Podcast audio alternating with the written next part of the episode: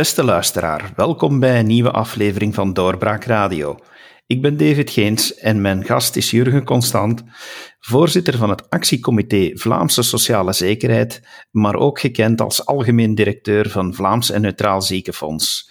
Dag Jurgen, welkom in onze uitzending. Goeiedag, dag David.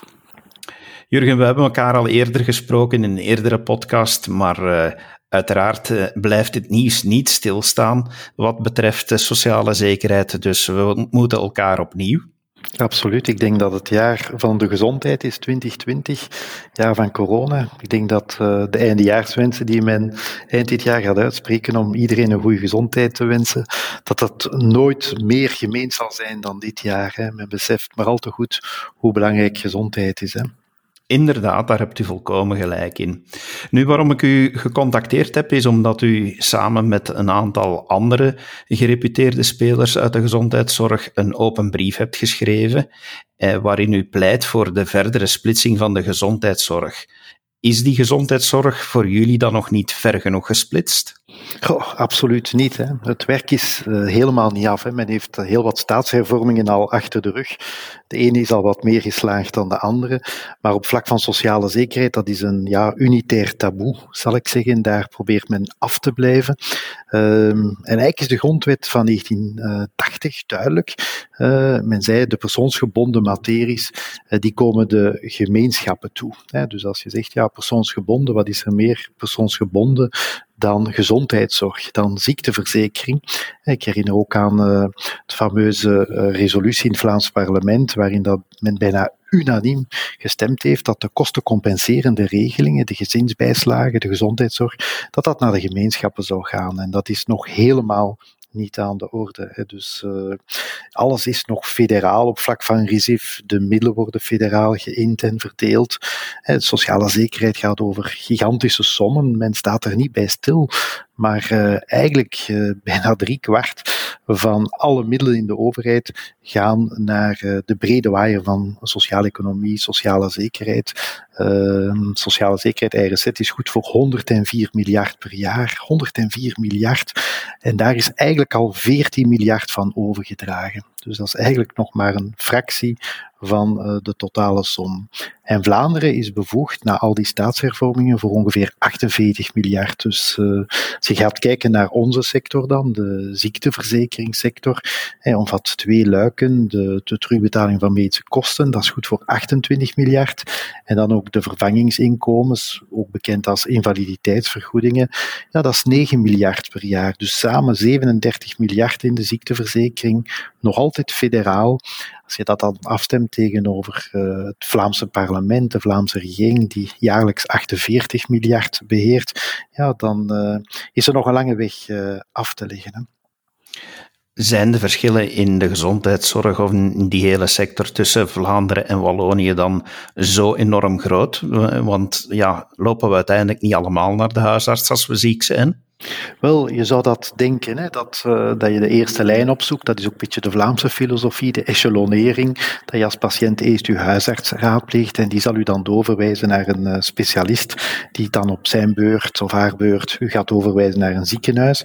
Uh, maar we zien toch op het terrein dat er grote verschillen zijn. Hè. Dus in Vlaanderen uh, heeft driekwart van de bevolking, ruim driekwart van de bevolking, heeft eigenlijk een globaal medisch dossier afgesloten bij zijn huisarts. Hè. Daarmee erkent de patiënt dat de huisarts de spil is van zijn gezondheidszorgdossier, uh, een kijk heeft op alle onderzoeken in het verleden, uh, alle onderzoeken die eventueel in de toekomst moeten gebeuren. We zien dat het GMD in Wallonië veel minder populair is. Hè. Ondanks inspanningen die men ook langs Waalse kant heeft gedaan om meer mensen een globaal medisch dossier af te laten sluiten, komen we daar amper aan de helft van de bevolking. Dus je ziet een, een toch wel een verschil in uh, perceptie van wat de huisarts uh, waard is, bij wijze van spreken. Uh, men gaat daar bijvoorbeeld veel sneller naar een polykliniek gaan. Omdat dat dan vaak gratis is, maar niks is gratis in ons land, dan wordt het eigenlijk rechtstreeks via derde betalersregeling afgerekend met het ziekenfonds. Ik zie ook het aantal groepspraktijken van huisartsen. In Vlaanderen zijn er meer dan 1100 groepspraktijken georganiseerd. In Wallonië maar een 250-tal. Dus je ziet, het gewicht van de huisarts is veel sterker in eh, Vlaanderen dan in Wallonië. Dus het is niet helemaal hetzelfde. Je ziet dat ook trouwens aan de, de studies, de contingentering, het aantal uh, mensen die voor artsenopleiding gaan. Ga je zien dat er veel meer mensen in Vlaanderen voor huisartsengeneeskunde kiezen dan in Wallonië. Maar er is ook een overtal aan artsen in Wallonië. 30% meer artsen in Wallonië. En als je naar de specifieke disciplines gaat bekijken, ga je zien dat er 43% meer specialisten zijn. Dus uh, het is vooral in de specialistische geneeskunde dat het enorme verschil tussen Vlaanderen en Wallonië tot uiting komt omdat u dat overtal nu noemt, ben ik eigenlijk benieuwd. Ooit was er toch sprake dat men dat ging uh, bevechten of alleszins in de hand ging houden door het aantal studenten te beperken. Is dat dan niet in orde gekomen in Wallonië? Wel, kijk, in 1997, hè, dus dat is toch al een lange tijd geleden, hè, 23 jaar uh, geleden, is er eigenlijk op federaal niveau, zelfs met de PS, een afspraak gemaakt over de zogenaamde contingentering. Dat was het aantal ja, studenten die mochten beginnen aan studies of die dan uiteindelijk na hun studieloopbaan een RISIF-nummer zouden krijgen. Een RISIF-nummer heb je nodig. Waarom heb je dat nodig? Om dan terugbetaling te kunnen krijgen van de ziekteverzekering, om mij aan de woorden je prestaties te laten terugbetalen. Uh, die afspraken zijn gemaakt in 97. Vlaanderen heeft toen een uh, ingangsexamen georganiseerd. Er zijn heel veel jonge Vlamingen die eigenlijk de kans niet gehad omdat ze slechter gerangschikt waren of niet geslaagd waren in dat toelatingsexamen, die uiteindelijk geen arts zijn kunnen worden. Wallonië heeft dat nooit gedaan. Uh, heeft gezegd, we zullen dat later wel regelen. Met alle gevolgen van dien dat men ja, met een overtal van afgestudeerden zaten. Nu, gezondheidszorg, volksgezondheid, is eigenlijk bijna altijd een domein geweest van Waalse PS-ministers. En die hebben dat dan met de mantel der liefde uh, eigenlijk uitgeveegd. Men heeft gezegd, kijk, we gaan al nomenclatuurnummers geven of RISIF-nummers geven voor de toekomst. Hè. Onkelings was daar zeer uh, gedreven in, waardoor dat, dat overtal is kunnen gaan ontstaan. Nu, in de vorige federale regering, uh, wanneer ook de NVA nog aan boord was, en onder druk destijds ook van Louis Ite en Valerie van Peel dan later, zijn er nieuwe afspraken gemaakt. Van kijk, Wallonië gaat zich toch moeten houden, maar het grote probleem is natuurlijk dat de opleiding uh, is dan een gemeenschapsbevoegdheid, wat wij natuurlijk toejuichen, maar dan moet je natuurlijk de spelregels gaan respecteren. En de Waalse gemeenschap, de Franstalige gemeenschap, heeft eigenlijk dat altijd met de voeten getreden. Dus, maar de vorige federale regering had nieuwe afspraken gemaakt. Men ging eigenlijk een uh, overgangsregeling voorzien om dat uh, overtal weg te werken. En ik hoop dat de luisteraars op hun stoel zitten, want er was een overgangsregeling voorzien, uh, het is nu 2020, dat het rechtgetrokken zou zijn tegen 2038. Nu, en het eerste wat moest gebeuren, dat was dat Wallonië een uh, ingangsexamen zou organiseren, wat men dan met veel tegenzin en met lange tanden heeft uitgevoerd, maar waarbij eigenlijk uh, meer dan het dubbel van het aantal noodzakelijke studenten toch zijn mogen starten, met als gevolg dat het probleem zich binnen zeven jaar terug zal stellen. En men kijkt er maar naar. We weten ook niet welke uh, politieke constellatie in de toekomst het voor het zeggen zal hebben. Ik vrees uh, dat we hier in een straatje zonder eind zitten. Het is een wettelijk kader dat perfect door een volgende regering kan ongedaan gemaakt worden. Dus het is niet verankerd, gebetoneerd. Het is geen bijzondere wet geworden. Het is een zoethoudertje, denk ik, voor de NVA geweest. Uh, maar men, we staan nog altijd voor toekomstige problemen. Dus er is zeker geen stop op gezet, wel in tegendeel.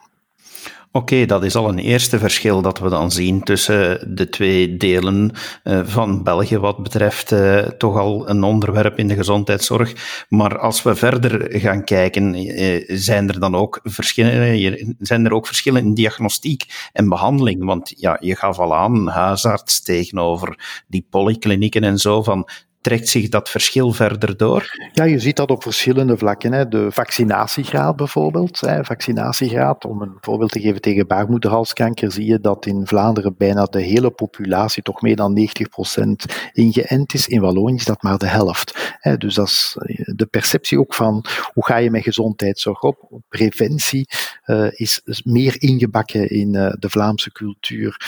In Vlaanderen gaat men bijvoorbeeld ook veel meer inzetten op dagopnames, daghospitalisatie, op de kijkoperaties, um, wat een goedkopere uh, investering is. Uh, Wallonië gaat meer voor klassieke geneeskunde, uh, hoewel ze wel een inhaalbeweging aan het maken zijn preoperatieve onderzoeken, daar zien we eigenlijk dat er veel meer onderzoeken gebeuren langs Waalse kant. Uh, bijna 50% meer onderzoeken. Uh, en dat heeft ook vaak te maken met de infrastructuur die aangekocht wordt en die moet eigenlijk opbrengen. Uh, ik denk aan CT-scanners bijvoorbeeld. men heeft een bepaald duur toestel. Ja, um, dat kost in Charleroi evenveel als in Leuven. Maar in Leuven heb je natuurlijk een grotere pool aan patiënten. Dus ja, men gaat de mensen die nodig, uh, die een dergelijk uh, onderzoek uh, nodig hebben, gaat daar passeren. Dat wordt terugbetaald door de ziekteverzekering. Maar in Wallonië, in Charleroi, moet dat ook terugbetaald worden met een beperktere groep. Wat krijg je dan? Dat men eigenlijk mensen daar misschien onnodig in dat toestel laat passeren om eigenlijk via de kassa van dat uh, te kunnen passeren. En dus daar zie je toch wel wat verschillen. Lees misbruik, wat niet wegneemt dat er ook in Vlaanderen misbruik is hoor. Uh, daar twijfel ik niet aan. Uh, ik wil er ook geen karikatuur van maken. Maar je ziet toch wel verschillen op dat vlak. Ook het geneesmiddelenverbruik. Hè. Het geneesmiddelenverbruik, als je gaat kijken wat uh, de ziekteverzekering betaalt aan, aan de ziekenhuizen voor de geneesmiddelen, wel, daar zit Wallonië maar een klein beetje, nog geen 10% onder de uitgaven van Vlaanderen in volume. Maar ja, de Vlamingen zijn wel met 57% van de bevolking en de Franstaligen maar met 31%. Dus je ziet ook dat daar andere accenten zijn, dat er meer medicatie gebruikt wordt langs de Waalse kant. Omgekeerd zijn er ook zaken waar Vlaanderen meer in uitgeeft. Ik denk aan verpleegkundige thuiszorg, ik denk aan verpleegkundige zorg in het algemeen, ik denk aan tandzorg, uh, psychiatrie uh, psychologie, maar dat die, daar zijn eigenlijk weinig middelen voor. Dat is nog heel stief moeilijk behandeld.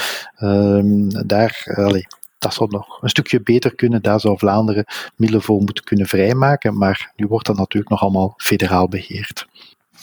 Ja, in dat beheer tussen federaal en regionaal, eh, ik raak er niet meer aan uit en ik denk niet dat ik de enige ben van kan u proberen uit te leggen wat nu de grote lijn is tussen de bevoegdheden, uh, dat we weten wat regionaal zit en wat federaal zit, of is het niet uit te leggen?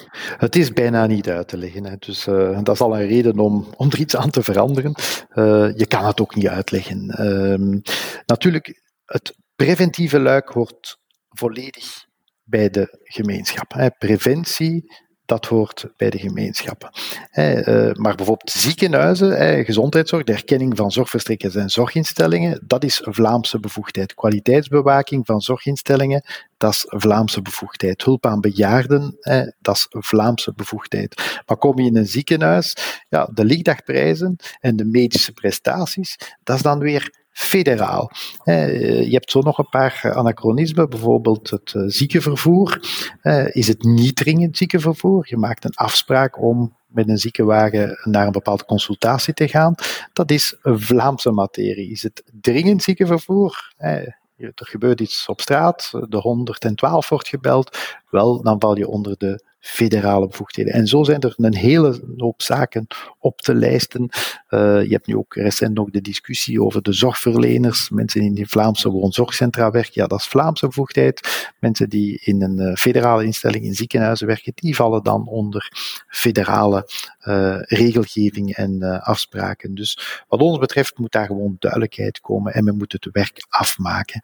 Men is het werk beginnen inzetten met verschillende staatshervormingen, maar dat is natuurlijk op vlak van financiering totaal gestopt, uh, waardoor dat het werk half af is. Um, en wij zijn niet voor half werk. Er moet afgehandeld worden en er moet duidelijkheid komen, zodanig dat je niet zo'n gigantisch aantal ministers nodig hebt.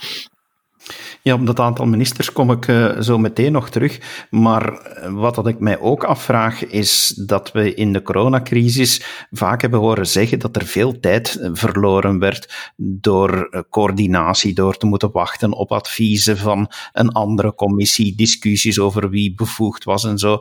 Is dat volgens uw informatie of volgens uw inzicht echt zo gegaan? Dat is ook zo. Hè. Je, je mist de eenheid van commando, hè. Uh, ook in de communicatie. Hè. Je ziet omliggende landen, Frankrijk, Nederland, daar was er eenheid van commando. Was er één stem. Eigenlijk, wat gezondheidszorg betreft, had hier de minister-president van Vlaanderen het commando moeten voeren. nu zat je met een Wilmes, ik heb het los van de taalproblematiek dan nog, uh, met dan al de bevoegde ministers of verschillende bevoegde ministers erbij. Uh, plus ook de verschillende cultuur. Hè. Wij schipperen tussen twee culturen. Je zag dat Vlaanderen ook op, op heel de aanpak van de coronacrisis veel meer naar boven keek, naar Nederlanden, naar de Germaanse aanpak, zal ik zeggen, naar Duitsland, Scandinavische landen. Uh, Vlaanderen wou eigenlijk de scholen ook open houden, uh, had daar ook uh, andere aanpak op. Wallonië keek ja, naar Italië, naar Frankrijk, naar Spanje, de, de Latijnse cultuur. En dat is een beetje het probleem. vandaar dat men altijd moest schipperen, dat er ook zaken gelekt werden. Franstalig worden bepaalde zaken niet uh, gerealiseerd zien. Dan werd er, uh, werden er dingen gelekt, waardoor er natuurlijk verwarring troef was, dat de mensen uiteindelijk niet meer wisten van ja, wat is het nu, wat is er beslist, wat wordt er aangekondigd. Dus uh, allee, ook hier veel duidelijker Vlaanderen zou het commando moeten in handen nemen voor de Vlaamse gemeenschap en de Franstaligen voor de Franstalige gemeenschap zou veel duidelijker zijn. En dan kan iedereen ook recht toe recht aan zijn eigen lijn volgen en daar ook een, een, zekere consistentie, een logica in steken, wat nu niet het, uh, nu was de logica verzoek. Uh, ik vind het heel belangrijk ook rond onderwijs. Men heeft nu ook hè, een van de conclusies van uh, heel de corona-aanpak is van ja, we hadden de kinderen op school moeten laten. Ja, dat was ook de politiek van Ben Wijts. Dat was ook wat men eigenlijk wou doen in Vlaanderen. Maar men is dan eigenlijk teruggefloten omdat men dat in Franstalig België totaal anders zag. We hadden het al over die uh, ministers. Als ik het opzoek, dan wordt er verwezen naar negen ministers die bevoegd zijn voor gezondheidszorg. Ik zelf ken onze federale minister, Maggie de Blok. En op Vlaams niveau weet ik dat dat Wouter Beke is. Waar zitten die zeven anderen dan? Wel, die zitten in het Franstalige landsgedeelte vooral. Hè. Dus uh, het, probleem zit hem dus minder in Vlaanderen. Hè. Vlaanderen heeft inderdaad Wouter Beke. Vlaanderen probeert coherent te zijn, heeft ook één parlement, uh, heeft een aantal bevoegdheden netjes samengebundeld. Uh, Magie de Blok is federaal, uh, maar dan zit je met drie excellenties in Wallonië, drie excellenties in Brussel. En dan hebben we tenslotte ook nog een PS'er als minister voor de Duitsstalige gemeenschap, bevoegd voor gezondheid, Antonia is dat. In Brussel is dat Elke van den Brand, uh, Barbara Trachté en Alain Marron. En dan langs uh, Franstalig of Waalse kant heb je eigenlijk de drie verschillende politieke strekkingen die elk een deel van de bevoegdheden opneemt. Dus veel consistentie en doeltreffendheid kan daar ook niet in zitten. Je hebt de minister van de Franse gemeenschapsregering, bevoegd voor gezond gezondheid. Dat is iemand van Ecolo, Linaar. Je hebt dan de minister van de Franstalige gemeenschapsregering bevoegd voor ziekenhuizen. Dat is uh, mevrouw Glatigny. En dan heb je de minister uh, van het Waalse gewest bevoegd voor gezondheid, Montreal. Maar vraag mij niet ja, wat de, de nuances zijn allemaal daarin. Uh, men is daar in ieder geval creatief. Ik herinner mij dat ooit Chris Peters zei van de Vlaming leeft boven zijn stand. Nee, ik denk dat uh, Franstalig België boven zijn stand leeft met het aantal excellenties, ministers enzovoort. En dat kan natuurlijk niet leiden tot een goede, consistente gezondheidszorg of een gezondheidsbeleid. Nu, dat zijn hun keuzes. Als zij heel veel ministers willen en heel veel nuances in het beleid willen leggen en verschillen in het beleid willen leggen. Maar ja, daar mogen wij natuurlijk niet voor opdraaien. In uw eerder antwoord op een van mijn eerste vragen zei u dat u bij de splitsing dat u kijkt naar wat er al reeds bepaald is in, in de wet en de Vlaamse resoluties, dat gezondheidszorg eigenlijk persoonsgebonden is. Dus daar kan ik uit afleiden wat uw antwoord gaat zijn op mijn volgende vraag, vraag. Want uh, ja, splits, uh, willen jullie een splitsing naar de gemeenschappen of naar de gewesten? Wel, eigenlijk is het heel duidelijk. Hè. Het zit ook ingebakken, zoals ik zei, in de grondwetten. Uh, eigenlijk moet het naar de gemeenschappen. Net zoals het onderwijs naar de gemeenschappen is gegaan. Hè. Dus um, dat heeft dat natuurlijk als gevolg dat men in Brussel zal moeten kiezen net zoals mensen moeten in Brussel kiezen voor het Nederlandstalig onderwijs of het Franstalig onderwijs. Dus dan moet je naar een soort subnationaliteit of, subkeuze van eh, welke sociale zekerheid je wil. Dat is de strategische blunder die eigenlijk in de zesde staatshervorming is gebeurd bij de overdracht van de kinderbijslagen. De kinderbijslagen zijn eigenlijk naar de gewesten gegaan in wezen.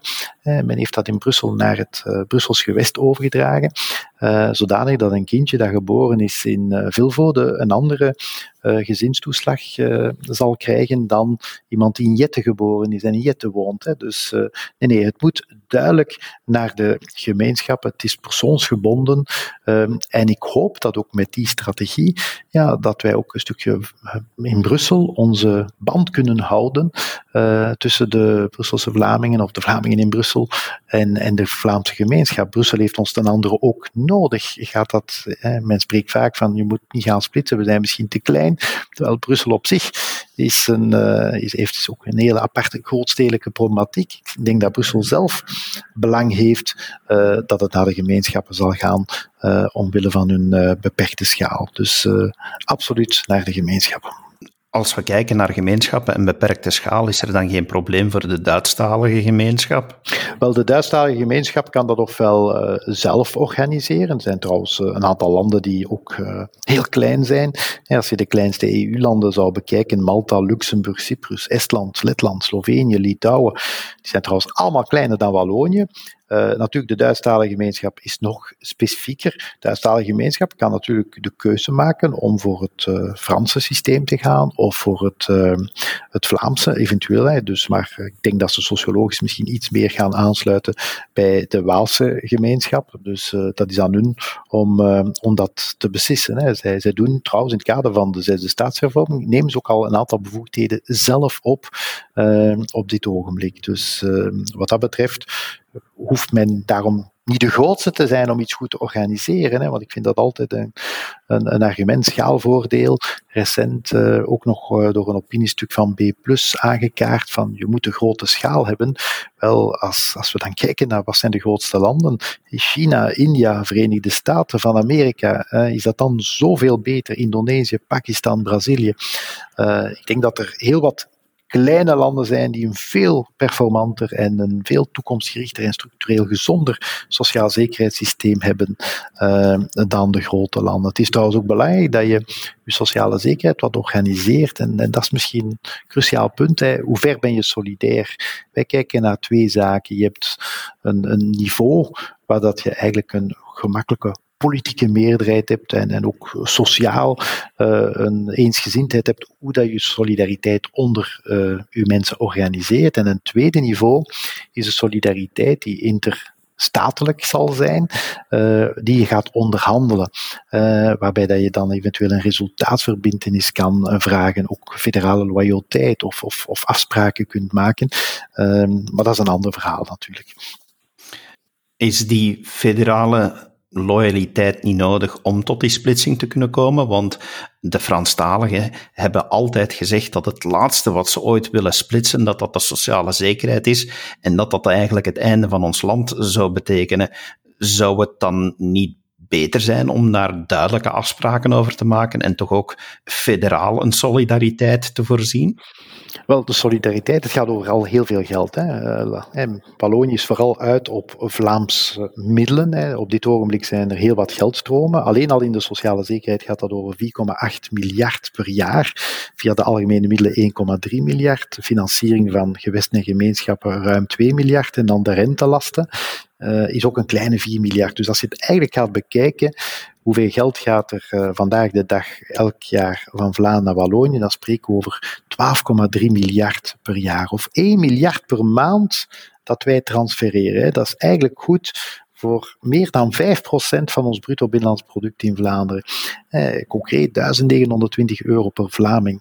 En we doen dat eigenlijk al 50 jaar. Want de eerste studies rond die geldstromen dateren van begin jaren 70.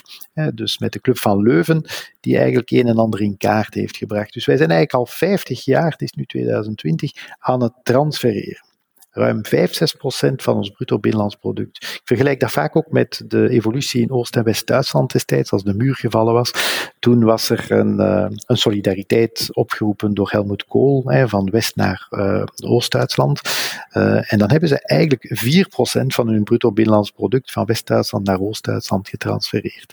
En dat was toen voor hun, ging dat maar over nog geen, hè, dus 4 procent van hun bruto bruto binnenlands product. Wij zitten bijna aan 6%.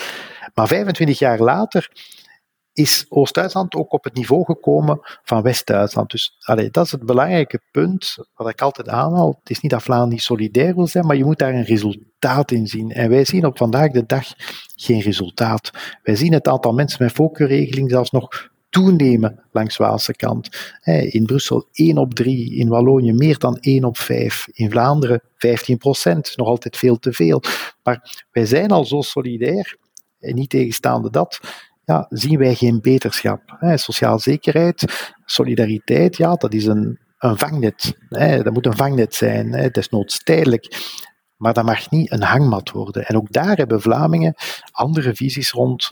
Denk bijvoorbeeld rond de werkloosheid. Van, moet dat eindeloos zijn in de tijd of moet dat toch niet eindig zijn? Wij vinden het belangrijk dat als iemand op 50 jaar eh, plots door een herstructurering eh, op straat staat, ja, dat die, die heeft heel veel bijgedragen aan de gemeenschap tijdens zijn actieve loopbaan, ja, dat die toch een gedurende stevige tijd hulp zal krijgen. solidariteit, een, een, goede werkloosheidsvergoeding zal krijgen en ook geactiveerd wordt en uh, geheroriënteerd wordt op de markt. In Franstalig België denkt men daar anders over. Ehm, hoe jong men ook is, men moet uitkeringen kunnen genieten. En dat zijn grote verschillen. Uh, vandaar, ja, we verschillen zoveel van mening dat we het allemaal beter zelf gaan doen, in plaats van gefrustreerd samen te leven. Maar ik weet, ze zijn uit op het geld. Dat is ook het, laatste wat hun ja, bekommernis is. Hè. Ik heb ooit PS'ers weer weten dreigen, als de sociale zekerheid gesplitst wordt, ja, dan hoeft België niet meer. Dus dan bekennen ze ook kleur, waar het voor hen om te doen is die Vlaamse centen elk jaar opnieuw krijgen. En we krijgen daar als Vlaming geen dank u wel voor, laat staan een merci. Uh, integendeel, zij dicteren toch op heel veel vlakken uh, met een zekere arrogantie een stukje de wet. ik herinner mij als destijds Bart de Wever heel succesvol verkozen was, dat Bart de Wever dus aan tafel mocht met Charles Michel. Maar er werd hem heel duidelijk gemaakt over de sociale zekerheid, daar ga je niet over spreken. Over de spitsing ga je niet spreken. Men bepaalt eigenlijk het thema langs Waalse kant, die tegenstaande dat de Vlamingen een meerderheid vormen in dit land. En de Vlamingen worden het stilletjes aan wel moe. Zou het dan ook betekenen dat als we eh, Wallonië zelf responsabele maken voor eh, het, eh, de hele gezondheidszorg en de bijhorende financiële middelen, dat ze dan veel beter zouden leren omgaan met die middelen? Is oh, dat ook een van de dingen die u verwacht uit een verdere splitsing? Ik ga er ook van uit, hè, want er wordt vaak denigrerend gedaan. Wallonië heeft Vlamingen nodig, alsof dat Wallonië een kolonie is van ons. In, in, deze tijd een heel beladen uh, omschrijving. Uh, ik vind het heel denigrerend. Hè. Wallonië zou moeten afhangen van de Vlamingen. Uh, te meer er veel kleinere staten zijn, zoals ik daar straks zei, die kleiner zijn dan Wallonië, die het wel allemaal op orde hebben, hun sociale zekerheid en hun financiën. Ik herinner mij in een van de vorige staatshervormingen, de, het, bijvoorbeeld het gemeentefonds dat overgedragen is, dan was er ook heel veel te doen eh, met uh, grote stakingen langs Waalse kant. Maar men heeft dat toch op orde gekregen. Hij heeft toch meer op orde gekregen. Ik denk dat dat een momentum kan zijn, een, soort boost kan geven om het heft in eigen handen te, uh, te nemen. Eh, men heeft het moeilijk met de Vlamingen, met de Vlaamse beleidskeuzes. Wel, dat ze het dan eens zelf gaan doen en proberen op orde te krijgen financieel. Uh, en Vlaanderen wil gerust solidariteit afspreken. Ik denk dat de Vlamingen de eerste zijn om, om, om solidair te zijn. We hebben geen lessen te krijgen op vlak van uh, solidariteit. Maar wij willen wel een resultaat. Wij willen ook dat dat transparant is. Wij willen daar ook een zekere federale loyaliteit voor. Ja, want Vlaanderen doet zijn best. Hè. De, de schuldgraad hè, is, is, gigantisch in, in België. En ik heb het dan, dat zijn nog cijfers van voor de coronatijd. Gemiddeld elke kind dat geboren werd, had een staatsschuld van 43.000 euro. Hè, op dit ogenblik iedere Belg. Maar als je dat dan gaat bekijken naar Vlaanderen en Wallonië, dan zie je dat in Vlaanderen dat we onder de 40.000 per kop zitten en in Wallonië al boven de 45.000. Eh, Vlaanderen, eh, met de nieuwe regering eh, van minister-president Jan Bon, is begonnen met besparingen men is enorm gaan besparen met alle gevolgen van dien. Niet populair in heel wat sectoren. Maar Vlaanderen heeft eigenlijk maar een schuldgraad van een 52% van zijn totaal jaarbudget. Hè. Vlaanderen heeft ongeveer 25 miljard uh, schulden opgebouwd doorheen de tijd. Beheert 48 miljard, dus 52% is schuld. Langs Waalse kant beheren ze 24,5 miljard budget en ze zitten al bijna aan 30 miljard schuld. Hè. 120% van hun jaarbudget hebben ze eigenlijk aan schulden. En als uh, Di Rupo, Elio Di als minister-president zijn beleid gaat uh, uitvoeren, wat hij van plan is, en in zijn beleid stonden vooral veel nieuwe uitgaven en amper uh, nieuwe inkomsten. Wel, dan gaat dat evolueren naar bijna 130 procent. En dat zijn dan cijfers die nog geen rekening houden met de coronafactuur, hè, die dus uh, gigantisch is. Uh, het, het, economisch bloedbad. Allee, doet toch de wenkbrauwen fronsen. Plus dat de, de grote vergrijzingstol nog voor de deur staat. Hè. Dus ehm, we staan er niet goed voor. Maar allee, het is in het verleden nog eens geweest. Ook, ik denk aan de Tweede Wereldoorlog met een soort Marshallplan, met een soort uh, ja, een nieuwe boost, een nieuwe verantwoordelijkheid. Denk ik dat ook de Franstaligen in staat moeten zijn om hun eigen keuzes te maken en ook zelf in te staan voor de financiering van de opties die ze wensen te nemen. Er zijn veel politici die erkennen, die de problemen erkennen die u beschreven hebt. De eenheid van commando, het, uh, het langdurig over, overleg, de, uh, de splitsingen die, uh, die voor veel onduidelijkheid zorgen. Maar die dan zeggen van, ja, de oplossing is heel simpel. Laat het ons allemaal terug op federaal niveau brengen. Waarom bent u het daar dan niet mee eens? Ja, dan gaan we eigenlijk uit de weg waarom het allemaal begonnen is. Er is niet voor niks sinds de jaren 60, 70 de Vlaamse Marsen uh, een keuze gemaakt om, om dit allez, Belgeland te ontmantelen op vlak van bevoegdheden, bevoegdheden over te dragen. En dat was omdat we niet overeenkwamen. En als ik vandaag vaststel, en het is niet alleen vandaag, het is eigenlijk de laatste tien jaar, als je naar de politiek bekijkt, alles zit op federaal vlak gewoon geblokkeerd. Men komt er niet over uit hoe dat men alles wil organiseren. Dus als ik vind het heel ridicul dat men zegt we gaan het herfederaliseren om het eigenlijk op een niveau te brengen dat niet werkt.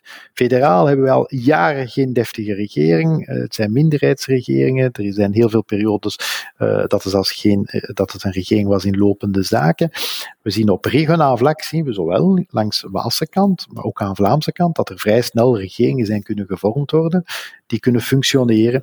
Dus zet het bevoegdheid op het niveau waar je kan functioneren, waar dat er maatschappelijk, een politiek, economisch, sociaal draagvlak is voor de keuzes die men heeft. Uh, dus het niet op een niveau gaan zetten van waar men niet uh, overeenkomt. Nee, je zet bevoegdheden op een niveau waar dat er draagvlak gecreëerd is en waar dat er een, een grote consensus bestaat hoe dat men zijn sociale zekerheid wil organiseren.